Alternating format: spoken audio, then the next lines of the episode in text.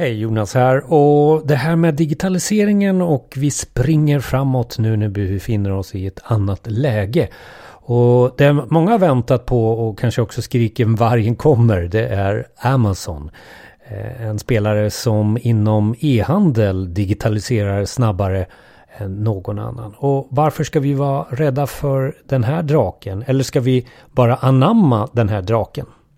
I podden Effekten så pratar vi i eh, avsnitt 136 med Fedja Porovic. Och det är ju så att Fedja har funnits med och är konsult för flera e-handlare i Sverige.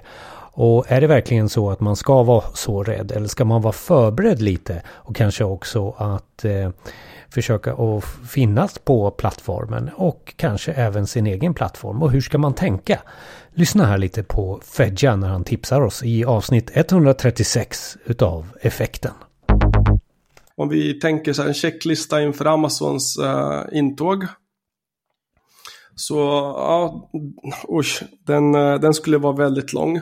Men eh, de två första komponenterna som jag tänker kommer, eh, kommer vara jobbiga för de flesta e-handlare. Det är att Amazon har ju så stort sortiment. Så att det kom, de kommer ju köpa upp nyckelord på Google och på Facebook, och, vilket står för en stor del av din nuvarande acquisition-trafik.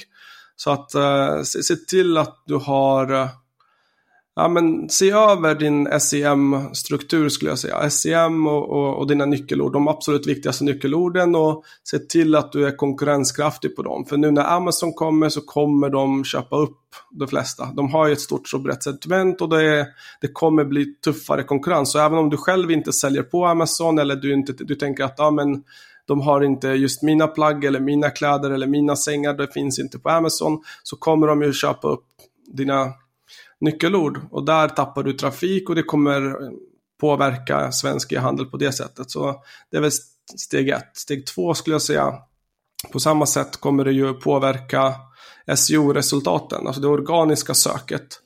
Eftersom Amazon är en av världens bästa på, eller är världsbäst på, på att ranka och har byggt hela sin sida egentligen med väldigt mycket content. Så samma dag som de har en svensk sida på Amazon.se, nu vet jag att det går att surfa in via vissa IP-nummer, men så, samma dag som de lanserar den, eh, ponera 6 eller 12 månader framåt så kommer de ranka väldigt bra på, på väldigt många av de här nyckelorden. Vi pratar ändå om miljoner nyckelord. Så att det kommer påverka i princip alla branscher. Så att uh, där måste man börja se över sin SEO och, prata med sin byrå om eh, vad man skulle kunna göra för att eh, ja, men konkurrera på samma spelplan som Amazon på sina viktigaste nyckelord och sen börja arbeta med den strategin. För nu, nu är det en ny spelare i stan. Det är väl det andra. Och sen eh, det tredje inför Amazon är egentligen att det är nästan ett tjänstefel att inte rannsaka sitt företag och se om vi själva kan profitera på att sälja på Amazon eller ska vi avstå från Amazon.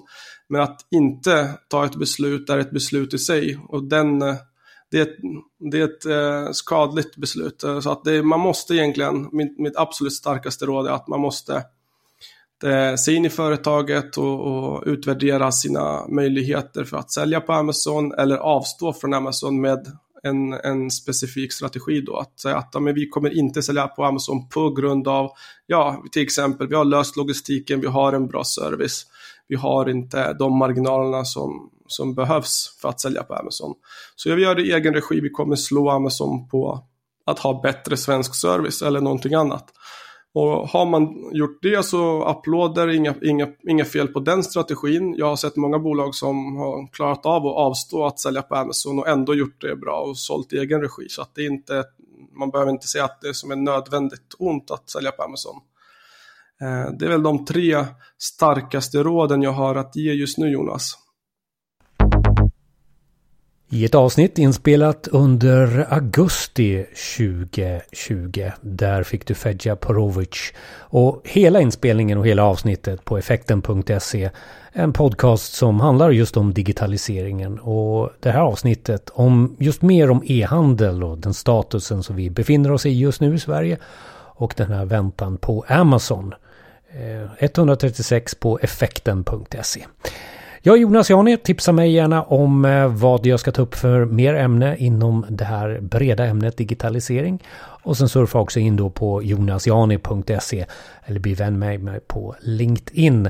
För då kan vi dela och eh, viljan till att hjälpa är stark. Så vi hörs på de sociala plattformarna och så hörs vi även här för mer avsnitt.